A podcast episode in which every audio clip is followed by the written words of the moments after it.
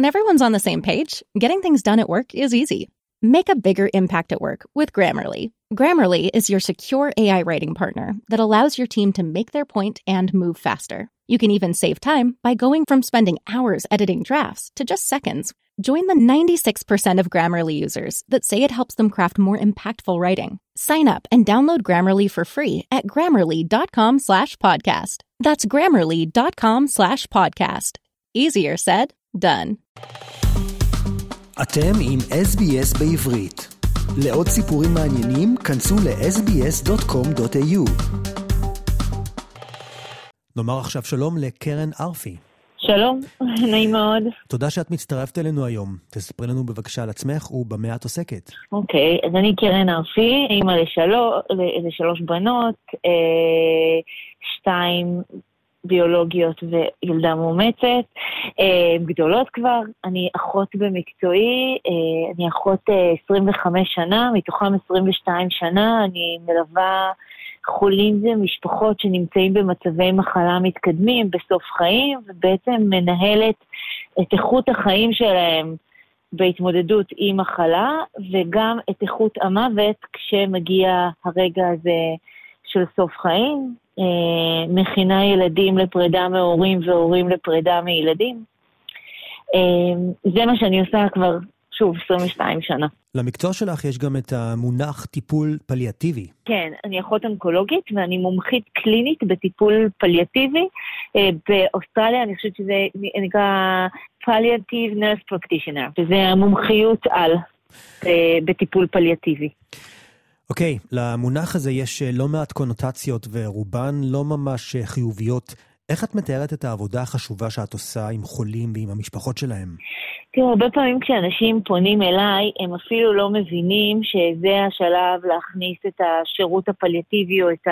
הם לא מבינים שזה המקום. זאת אומרת, אנשים שנמצאים בתוך איזושהי התמודדות בתור מחלה, אז הם מבינים שבמחלה יש עליות וירידות, והרבה פעמים כשיש ירידה ועוד ירידה ועוד ירידה, ששם אנחנו מבינים שצריך את המקום הזה של הטיפול הפליאטיבי, אנשים עוד בתוך המקום של המאבק על להשיג את הבריאות, שבעצם אנחנו אומרים, שנייה רגע, אולי אנחנו צריכים לדבר לא על אריכות חיים, אלא על איכות החיים, על מה יש לנו שם. אז כשאנחנו פורטים את זה ומסבירים מה זה טיפול פליאטיבי ומה אני באה לעשות, הרבה פעמים זה מאוד מאוד מרגיע את, ה, את האנשים שמקבלים את, ה, את המענה הזה. כי בסופו של דבר טיפול פליאטיבי, זה נכון שאתה אומר פליאציה, זה ישר מתקשר למוות, אבל, אה, אבל אני לא באה לקדם מוות או לזרז מוות, אני באה בעצם לתת לאנשים שמתמודדים עם מחלות שהן חשוכות מרפא, שבסופו של דבר המוות יגיע כך או כך, אני בעצם באה לעזור להם עם איכות חייהם בדרך לשם. אנחנו כולנו מתמודדים עם, אה, כולנו סובלים ממחלה סופנית שנקראת החיים, כולנו נמות בסוף, אה, אף אחד לא יצא משם, חלקנו בגיל מוקדם, חלקנו בגיל מאוחר. זה לא משהו שיש לנו שליטה עליו הרבה פעמים כשמדובר במחלות כאלה או אחרות. מה שכן יש לנו שליטה זה על האיך. איך תהיה הדרך לשם. כן. הרבה מבוגרים וחולים סופניים מעדיפים להישאר בבית עד הסוף, אבל לרוב זה לא מתאפשר. איך רפואה פליאטיבית קשורה לדילמה הזו? אז אני אגיד שעוד לפני שאנחנו מחליטים אם בן אדם יסיים את חייו בבית או בבית החולים, אנחנו קודם צריכים לדבר על האג'נדה. על האם הבן אדם והמשפחה אה, מסכימים עם זה שעברנו לטפל בגישה פליאטיבית. ה-WHO הגדיר את, את הטיפול הפליאטיבי כטיפול, גישה טיפולית הוליסטית שמטפלת באנשים ומשפחות שמתמודדות עם מחלות חשוכות מרפא, בכל הסוגיות שנוגעות לסימפטומים, בין אם הם פיזיים, נפשיים, פסיכולוגיים, פסיכוסוציאליים. זאת אומרת, לפני שאני בכלל מגיעה לדבר על כן בבית, לא בבית, אני צריכה לראות שכל המשפחה נמצאת באותו עמוד בספר, שכולנו מדברים את אותה שפה, שכולנו מבינים מה הולך לקרות כאן, איתנו או בלעדינו, ואיך אנחנו יכולים להקל שם. רק אחרי שהסכמנו עם זה, אז אנחנו יכולים לדבר על כן בית או לא בית. כי הרבה פעמים אנשים אומרים, אני רוצה למות בבית, אבל כשאני אומר אני רוצה למות בבית, זה לא אומר שלא יהיה סבל, זה לא אומר שלא יהיה כאבים, זה לא אומר שלא יהיה אי שקט, ושם אנחנו צריכים להתכונן מה אנחנו עושים בבית כשכל הדברים האלה קורים. בבית חולים זה נורא קל, טלטלים בפעמון ומישהו מגיע. בבית לפעמים זה יכול להיות uh, מסובך יותר. אני, אני אתן, אם אפשר, אני אתן דוגמה. אתמול בערב קראו לי לראות uh, חולה שהוא מתמודד עם פרקינסון ודיכאון הרבה שנים, איש בן 82, um, והוא כרגע, uh, שבוע שעבר התחיל חום, סביר להניח שהוא עשה אספירציות, כי הייתה דלקת ריאות, כרגע הוא הבהיר, uh, הבהילו אותו לבית החולים, בדרך עשו החייאה, הוא הגיע לבית החולים, אה, אחרי, הוא התאושש, חיברו לו זונדה, ואמרו, הנה עכשיו אנחנו ניתן הזנה בזונדה ונעביר אותו לסיעודי מורכב, כי כבר יש פצעי לחץ ויש הרבה דברים במסביב. ובעצם אתמול ישבתי עם ארבעת ילדיו, שבאת, שאנחנו צריכים להחליט מה עושים עכשיו, מה הגישה. הבן אומר, בוא ניתן אנטיביוטיקה, בוא נמשיך עם הזונדה, בוא נטפל בפצעי לחץ. הבנות אומרות, רגע, אבל מה אנחנו עושים פה? כואב לו, כן נותנים נגד כאבים? לא. אם ניתן נגד כאבים, אנחנו נדרדר את המצב שלו. אז לפני שאנחנו בכלל החלטנו על בית או לא בית, אנחנו צריכים להסביר מה אנחנו רואים מול העיניים, לאן זה ילך, מה יקרה אם ניתן את הטיפול הזה, או מה יקרה אם נטפל רק פליאטיבי, ולאן משם אנחנו ניקח את זה. יש אנשים שמראש, אם אנחנו מספיקים לדבר איתם עוד הרבה קודם, הם יוכלו להגיד לנו מה הם היו רוצים. אבל יש הרבה משפחות שאנחנו מכירים שלא מדברים על מה הם היו רוצים שיקרה, שמטופלים לא אומרים לנו מה הם היו רוצים שיקרה, ובעצם המשפחה צריכה לקבל אחר כך את ההחלטות.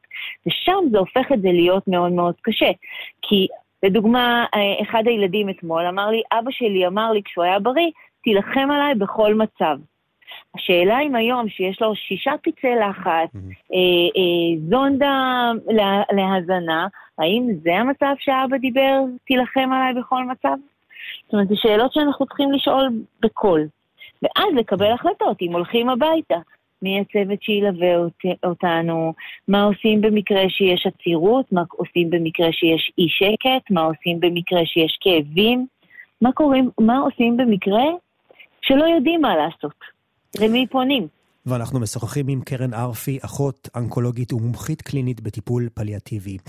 קרן, האם יש הבדלים ביחס לסוף החיים בין חילוניים, דתיים וחרדים, וכמו כן ערבים ונוצרים, או דתות אחרות? אז, אז אני אגיד שגם אם אני אקח רק חילונים, או רק חרדים, או רק אה, ערבים, או רק נוצרים, גם בתוכה, בתוך כל אה, בתוך כל אה, דת יש את ה... או אנחנו אנשים, בכל מקום יש את השוני, את השונות הזאת.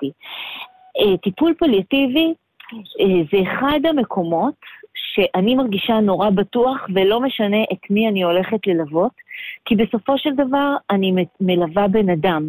וכשאני מלווה בן אדם או מלווה משפחה, אני צריכה לבדוק איתם מה נכון להם, מה מתאים להם, מה מתאים בהקשר לדת, מה לאמונה, ומה מתאים להם כאנשים.